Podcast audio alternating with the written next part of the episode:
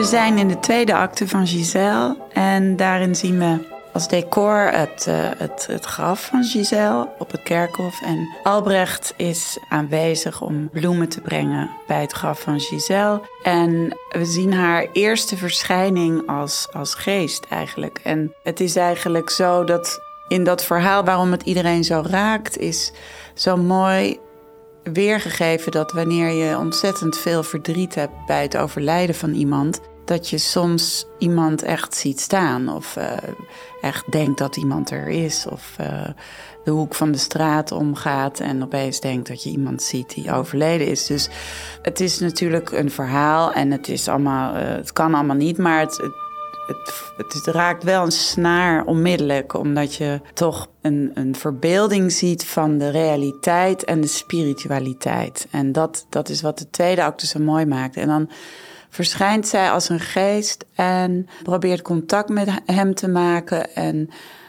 zij laat eigenlijk op een gegeven moment ook een bloem achter, waardoor als, als hij die bloem oppakt, waardoor hij weet, ja, ze is er echt. En ik kan echt met haar, met haar zijn. En dat is eigenlijk de, de hele setting van de tweede acte. En van daaruit ontwikkelt zich de strijd van alle willies die proberen, al die mannen die hun bedrogen hebben voor het huwelijk, uh, proberen ze te grazen te nemen. Maar Giselle beschermt Albrecht tot de laatste snik. En dan verdwijnt ook haar geest terug in het graf en dan blijft hij achter met die bloem aan het einde. En dan loopt hij naar voren. En dit is vlak voordat het doek sluit. En dan zien we dat uh, hij een geweldige liefde heeft gekend, maar die hem tegelijkertijd ook vergeven heeft, zodat hij door kan gaan met zijn leven. Dus het is aan de ene kant heel tragisch en aan de andere kant ook, ook heel mooi en verrijkend en troostend. En uh, dat is het beeld wat, wat vlak voor het doek sluit nog achterblijft. Mooi, dank je. Welkom luisteraars. Uh, dit was al de hele samenvatting van de tweede acte, verteld door Rachel Beaujean. Uh, waar, we nu mee, waar ik nu mee in gesprek ben. Mijn naam is uh, Lin van Ellinkhuizen. En ja, dat, dat hele symbolische wat je net vertelde, dat, dat hij haar ziet, die Giselle. Um, dat zien we, horen dus ook in de muziek. We begonnen deze, dit interview met muziek. Ja. En dan zie je ook dat zij zo, en dat die muziek, als je het alleen hoort, klinkt het heel traag. En zij maakt daar een enorm langzame arabesk. Ze tilt heel langzaam dat been op. Ja. ja, in het begin denk je, beweegt ze nou of beweegt ze niet? Dus, en dat is het mooie aan die eerste opkomst, dat ze dus um, zeg maar, voor ons uh, uh, levend wordt. En um, ja, en dat is ook voor de danseres een hele uitdaging, uh, zowel spiritueel, maar ook technisch, om, om de balans te houden en om dat zo mooi heel langzaam door te kunnen voeren, dat adagio. Je hebt uh, deze reconstructie van Giselle, zou ik zeggen, gemaakt samen met Ricardo Bustamante. Ja. Wie is hij? Ja, Ricardo Bustamante was uh, zelf een grote ster bij American Ballet Theater. En um, hij was ook bekend om zijn fantastisch partneren. Dus hij heeft met Carla Fracci gedanst, met, met de grote van de aarde. Alessandra Ferri. Um, en nog vele ontelbare namen uh, uit de grote geschiedenis van de ballerina's. Die Giselle hebben gedanst. En ik wilde heel graag de productie samen met een man maken die er, die er zelf in gedanst had. Dus niet alleen maar vanuit de vrouwelijke kant, vanuit mijn eigen ervaring, maar ook vanuit de man gezien. En um, het was eigenlijk door Hans van Manen, want ik was in San Francisco, waar Ricardo balletmeester is en ook de um, adjunct directeur is, net zoals ik hier van San Francisco Ballet toen. En ik studeerde ballet van Hans van Manen in met Sofiane Silf, die hier ook gedanst heeft, grote ster was. Two Pieces for Head. En Ricardo was mijn balletmeester. En dat klikte zo dat, um, dat ik hem spontaan vroeg na twee dagen: Wil jij Giselle met me doen? En toen, ja, het was gewoon een gut feeling dat dat klikte. En toen zei hij: um, Yes. En dat was ongeveer een half jaar voordat we hier begonnen in Amsterdam met uh, Anna Tsigankova en Jozef Varga. Dat was in de zomervakantie, eerste week van de zomervakantie. En toen hebben we alle solistenmateriaal gemaakt samen met hen en met hem. Fantastisch. Ja, bijzonder kan dat zijn als het zo klikt. Ja, ja het was ik... puur gevoelsmatig. Want ik, ik kende hem letterlijk twee dagen. En, en het voelde goed en het voelt nog steeds goed. Dus we zijn nu, het is in 2009 gemaakt. Dus ja, 15 jaar verder. Los van dat het klikte, was hij natuurlijk ook iemand, wat je al zegt, die historisch gezien kennis heeft van Giselle. Met Carla Fracci, uh, fenomeen binnen Giselle ook, was zij, heeft gedanst. Want hoe begin je dan aan het maken of het herinterpreteren misschien ook van het ballet? Wat hebben jullie, hoe zijn jullie begonnen? Ja, we hebben natuurlijk eerst uh, geweldig veel producties gezien. Uh, natuurlijk bij leven. We hebben het allebei gedanst. En ook, we hebben superveel producties bekeken op video. En waar we tegenaan liepen was dat Giselle is natuurlijk gemaakt in een tijd dat de danser, de mannelijke danser, meer een partner was, een porteur. En nou, tegenwoordig zijn de mannen net zo goed, ik zou zelfs zeggen, doordat ze zich zo lang hebben moeten bewijzen, soms beter dan de vrouwen op dit moment. Dus we wilden gewoon dat die jongens ook dansen in de eerste acte. En dat ze daar niet alleen maar staan om de meisjes te partneren. En daar begon het eigenlijk mee, gewoon puur om, om dat op te lossen. En toen kwamen we er ook op dat, ja, maar dan moet Albrecht ook een solo dansen. Want waarom danst hij niet? Waarom doet Giselle wel een solo? En ook omdat hij verliefd is op Giselle, wilden we ook dat het 50-50 was. Dat zij niet zeg maar de hoofdrol alleen was, maar dat ze allebei gelijkwaardig zijn. Dus daar begon het eigenlijk mee. En dan door dat idee ontwikkel je meteen al veel meer geëmancipeerde eerste acten tussen mannen en vrouwen. En dat kleurt meteen de, um, de hele setting en de, de etiketten en de entourage ook. Want je zegt daarmee, uh, is de balans evenwichtiger tussen de mannen en de vrouwen die dansen. Maar inhoudelijk, uh, het ballet heeft, is behoorlijk traditioneel. Als je naar het beeld kijkt, gebeuren daar uh, scènes als zij plukt een bloem, hij wil me wel, hij wil me niet. Ja dat zou je ook vrij conservatief kunnen noemen. Nou, je eh, moet eh, besluiten ook, wil je het in die tijd laten? Kijk, het is nooit mijn doel geweest en ook niet Ricardo zijn doel om Giselle in een andere tijd te plaatsen, om het uh, totaal te veranderen. Het is eigenlijk meer ons doel altijd geweest om de productie als het ware um, toegankelijk te maken voor de tijd waarin we nu leven, voor de mensen die er nu naartoe gaan. Maar wel het, behouden van het klassieke repertoire. En daar hoort ook bij dat het gemaakt is in die tijd. Um, 1870, we hebben het 1880 zo, in die periode gelaten omdat dat was ook nog de, net de periode dat, dat er zwaarden werden gebruikt en geen pistolen bijvoorbeeld. Want zij moet op een gegeven moment in de maat zien moet zij met een zwaard proberen zichzelf van het leven te brooien, wat dan niet lukt, omdat Hilarion dat terugtrekt. Maar dat zijn dingen die een besluit domineren van de tijd waarin het moet zijn. En um, ik denk ook dat de etiketten van het ballet daardoor uit die tijd zijn. Zoals wat je net beschrijft, die scène met die bloem. Dat is iets wat, wat ja, misschien kinderen nu nog, of jonge mensen nu nog wel eens voor de grap spelen. En dan is het, hoe verbeeld je dat? Weet je wel, niks is eigenlijk conservatief of niks is iets totdat je het zelf invult. En ik denk dat het heel belangrijk is dat je bij die historische stukken uitlegt aan het publiek waarom het zo gaat zoals het gaat, zodat ze het kunnen volgen, zodat ze meegenomen worden. Dat het inleefbaar blijft. Ja, precies. En ik denk dat dat. Uh, dat is het doel. En dat, het is niet het reconstrueren van uh, letterlijk hoe het vroeger was, maar het is het gebruiken van het materiaal en het opnieuw invullen van hoe mensen het nu ervaren. Want zijn er ook uh, elementen die je er dan uit hebt gehaald, omdat je dacht, nou, dit werkt nu niet meer?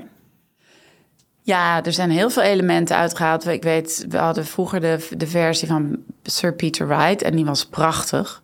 Maar er was bijvoorbeeld een scène in dat de moeder van Giselle aan het begin komt uit dat huisje en dan doet ze de potjes bloemen goed en de dingen. Ehm, we hebben geprobeerd dat wat zwieriger te maken met meer uh, gebruik van de ruimte en de dynamiek sneller, zodat het tempo hoger ligt van de hele eerste acte. En de eerste acte blijft sowieso altijd voor mij ehm, een noodzaak, puur om die tweede acte te kunnen laten zien. Dus um, ik denk als Giselle alleen de eerste acte was geweest, dan had, dan had het ballet niet overleefd. Uh, de pièce de résistance is die witte acte. En daarvoor heb je de eerste acte nodig. Nouriev die heeft op zijn manier Albrecht geïnterpreteerd als iemand die eigenlijk een spelletje speelde met, met Giselle en haar bedroog, maar, maar eigenlijk en natuurlijk verschrikkelijk uh, zo verdrietig maakte dat ze haar hart brak. Maar hij was echt de schurk meer van iemand die gewoon uh, weet wat hij aan het doen is en haar toch bespeelt. En Ricardo en ik hadden meteen zoiets van dat, dat willen wij niet, want het drama van de tweede acte kan alleen maar, dus dat je iemand herkent of denkt dat hij nog leeft terwijl hij al dood is. Dat, dat kan je alleen maar voelen bij mensen waar je heel veel van hebt gehouden. Dat is niet zomaar. En dus dat hele verhaal van die tweede acte en die verschijning van haar aan hem kan alleen maar voortkomen in zijn hoofd als hij ook daadwerkelijk van haar hield. Dus bij ons is het echte liefde. Dus hij speelt niet met haar. Hij weet natuurlijk dat hij verloofd is met Bathilde, maar hij drukt dat weg, want dat is zijn leven uh, aan het hof, waar alle etiketten gelden. En bij Giselle voelt hij zich vrij en zij is puur. En hij voelt zichzelf ook vrij en verlost van alle aardse etiketten. Maar als dat nou de sleutel is, ja. die ware liefde van Albrecht voor Giselle, die hij herkent, dan zou je ook kunnen zeggen: dan laten we alle uh, traditionele codes weg van uh, zwaarden en, en bloemetjes plukken of een wijnoogstdans. En we maken een hele andere eerste acte, waarbij die, uh, die liefde voor Giselle en Albrecht er is. Ja, maar die liefde is er wel. Die zie je heel goed. Um, die zie je al in die eerste scène met die bloem, wat je beschrijft. En um, natuurlijk, als de jachtstoet terugkomt en Bathilde is er, dan, dan realiseert Albrecht zich heel goed dat hij um, in een droom geleefd heeft. Want het werkelijke leven roept hem uh, met beide benen op de grond. Hij, hij is verloofd met Bathilde en hij heeft haar, hij heeft haar ook bedrogen, eigenlijk. Hij is heel ambivalent wat dat betreft. Maar zoals in de meeste actes, aan het einde van de acte, als Giselle dood is, Albrecht afrent, blijft hij bij ons tot het einde op het midden van het toneel bij haar. En um, zien we als het doek dicht gaat, eigenlijk haar in zijn armen, terwijl hij verschrikkelijk huilt. Dus dat is ook dan weer een andere interpretatie van het einde van de eerste acte. Je stapelt alle ideeën op tot, tot het maken van dat verhaal. En dat zit hem in dat soort kleine details. Die waanzinscène van de Giselle, is dat een scène die je helemaal choreografeert of laat je die vrij open? Toen we hem hebben gemaakt met Anna Tsigankova in het allerbegin, had zij al vele producties gedanst. En zij had heel veel suggesties over wat je zou kunnen doen met die waanzinscène. En wij natuurlijk ook. Dus dat hebben we samen zo geboetseerd. En het is eigenlijk een hele pure schets van uh, wat er gebeurt met Giselle. Als ze dus zich realiseert dat ze bedrogen is en dat Albrecht wellicht niet van haar houdt. En die, dat enorme verdriet van dat ze weet dat eigenlijk hun liefde helemaal nooit kan bestaan, want hij komt uit een hele andere elite. Dat proces van, van het moment dat ze zich dat beseft totdat ze aan een gebroken hart sterft, dat is in. Um, kan je op vele manieren doen. En, en iedere, iedere ballerina heeft haar eigen, eigen maat zien. Maar wij hebben wel echt een structuur waarin ze zich moeten verhouden tot, tot wat wij hebben gekozen. Dus het is niet zo dat ze op een gegeven moment eh, zelf een hele andere tekst hebben.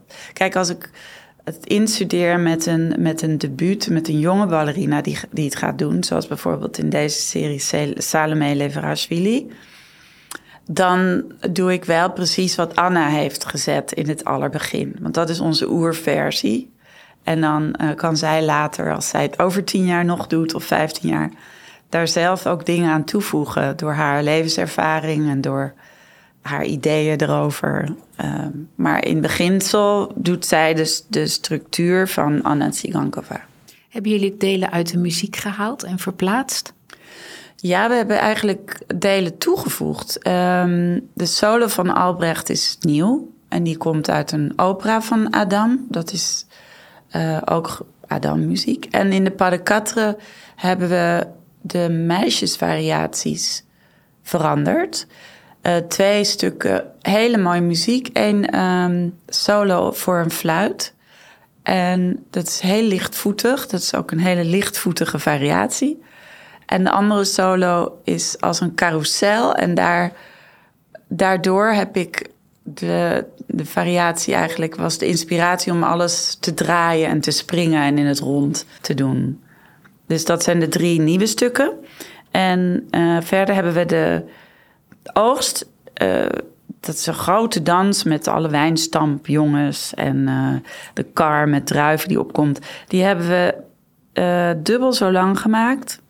Waardoor we de jongens ook die extra wijnstampdans konden geven. De, de hele voorstelling is op tournee geweest. Onder andere naar Colombia, naar Bogota. Hoe kwamen jullie daar? Ja, dat was op uitnodiging. We hadden een Spaanse um, agent. Die is heel, inmiddels helaas overleden. En um, die heeft ons naar Spaanstalige landen geloodst. Waaronder ook Colombia. En het leuke, het mooie was... Um, Ricardo is van is oorsprong Colombiaans. Dus, en zijn familie heeft hem eigenlijk weinig zien dansen of bijna nooit. En toen kwamen wij dus met onze Giselle naar Colombia. Dus de hele familie was er, nou, een gigantische familie. En dat was natuurlijk een hele mooie bijkomstigheid. Maar het was ook heel bijzonder om het daar te dansen, want het is een heel katholiek land. En Giselle is natuurlijk een heel katholiek verhaal.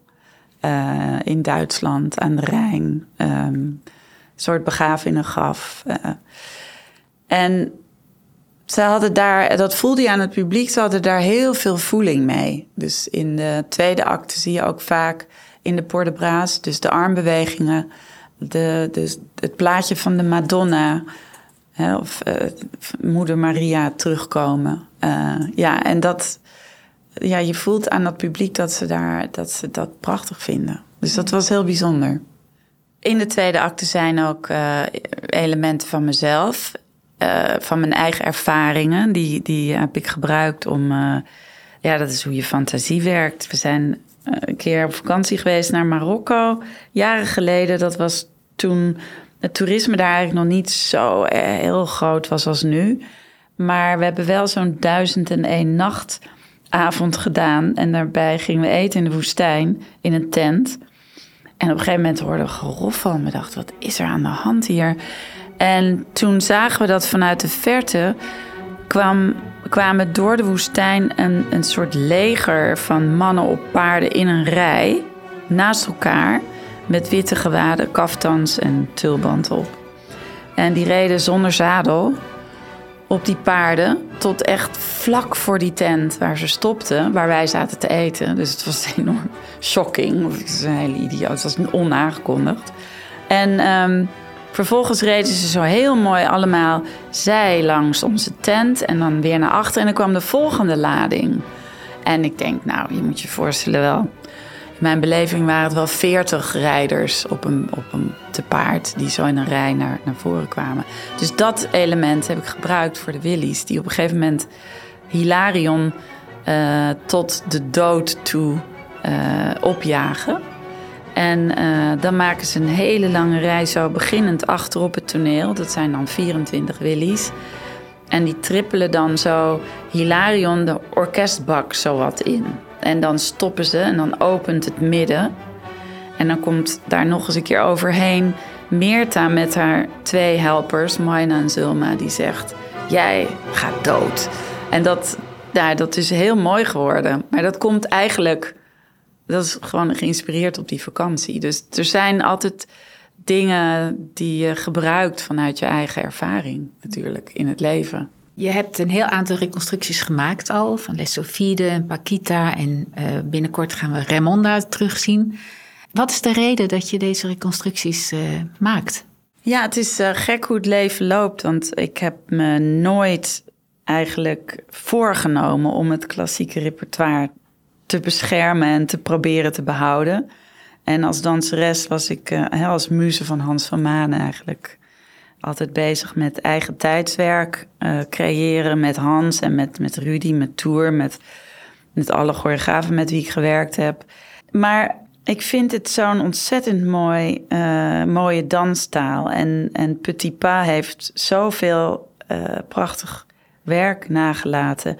Waar nu op dit moment nog steeds hele academies voor trainen. En al die kinderen alsmaar die balletlessen doen. En uh, al die gezelschappen proberen deze tak van de kunstvorm um, intact te houden. En um, het is heel kwetsbaar, want het, het is een enorm moeilijke danstaal. Die vergt heel veel um, discipline, maar ook een bepaalde fysiek, een bepaalde mentaliteit. En het is, het is broos en kwetsbaar en het kan heel makkelijk verdwijnen. Wat je ook ziet in het buitenland, waar steeds meer klassieke gezelschappen verdwijnen. Want het is groot, je hebt veel dansers nodig. Die moeten allemaal op spitsen en dat is ook heel kostbaar. Je hebt een orkest nodig. Het kan niet met de band. En dat zijn prachtige voorstellingen, maar niet iedereen um, is van overtuigd. En zeker de beleidsmakers niet dat dat nut heeft en dat dat zin heeft. Terwijl het wel de producties zijn waar eigenlijk de zalen altijd vol van zitten. En waar, de, waar het publiek heel erg naar hunkert. En heel veel uh, troost en schoonheid en nou ja, wat er allemaal bij komt kijken, uithaalt. Dus ja, en dan zo gaandeweg kom, was het bij ons in het gezelschap zo dat. Uh, dat ik de gelegenheid had om. Het is eigenlijk met Les begonnen. Oorspronkelijk heeft John Taras dat bij ons ingestudeerd. En die, was, die heeft het weer geleerd direct van Fokien. Dus ik heb een soort van uh, rechtstreekse lijn met Fokien in die zin. Um, om dat ballet te hebben mogen instuderen. Nou ja, dat ging heel goed. Dus daaruit voort kwam Giselle. Omdat het was, eh, Les Sylvide ook een witte akte. En Ted Bransen die zei een gegeven moment tegen mij... Goh, we hebben al twaalf jaar in dit gezelschap geen Giselle meer gedaan. Zou jij dat willen doen? En toen, nou ja, zo is het gekomen. En toen zei ik, ja, oké, dan durf ik dat. Alleen met een man, zodat ik weet wat die, wat die andere kant is van het verhaal. Ja, dat, uh, dat is wat jou motiveert. Dat zeg je heel mooi, dat, dat je het wilt behouden. En ook, uh, je ziet het ook als cultureel erfgoed, wat ja. het ook is natuurlijk. Um, maar ballet wordt tegelijkertijd verweten dat het ook een heel wit bolwerk is. En de verhalen die we laten zien, waar, eh, als we het dan hebben over de MeToo-tijd. Ja. Je zei net, ik heb mannen meer aandeel willen geven, want die mannen krijgen zo weinig te doen. Ja. Tegelijkertijd wordt het verweten dat de vrouwen altijd de, de rol hebben van uh, wat zwakker, slachtoffer. het slachtoffer. Ja. Um, hoe zie jij dat? Nee, daar ben ik mee eens. En dat was bij Raymonda eigenlijk de grootste verandering. Dat we hebben haar um, een stevig karakter gegeven... waarin zij eigenlijk zelf kiest met wie ze gaat trouwen. En normaal gesproken in Raymonda, maar ook in alle andere balletten... wat je net noemt, is de vrouw willoos en um, bepalen de mannen alles. En in Raymonda kiest zij zelf. Maar in Giselle niet? Nee, in Giselle hebben we dat niet gedaan. Um, ik denk dat het verhaal in Giselle eigenlijk, het is, we noemen het ook wel de Hamlet onder, onder de balletten. Het verhaal is zo ijzersterk en heeft ook recht van bestaan, want het gebeurt nog steeds. En dus het gegeven is universeel. En het is ook niet aanstootgevend, want we, proberen niet een ander ras te vertolken. Of uh, we gaan geen. Uh, we hebben het verder niet over politiek en over dat soort dingen. Het is puur een liefdesverhaal. In een ideale wereld, hoe zou het ballet zich moeten ontwikkelen? Ja, goede vraag. Ik, uh, ik ben dol op die serie Bridgerton, waarin iedereen door alle kleur, maat, uh, religie uh, wordt gecast. Ik denk dat dat zo moet. En ik denk dat we ieder verhaal wat bij die balletten hoort opnieuw moeten bekijken en hoe het past in onze tijd. Maar dat we heel goed de passen en de prachtige choreografie kunnen bewaren. Rachel, dank je voor eh, dit uh, mooie gesprek en veel succes met alle werk wat je nog gaat maken. Dank je wel. Bij elke voorstelling wordt drie kwartier voor aanvang een inleiding gegeven in het souterrain. Alle voorstellingen worden begeleid door het balletorkest onder leiding van dirigent Ermanno Florio. Tijdens de tournee dirigeert Nathan Brok.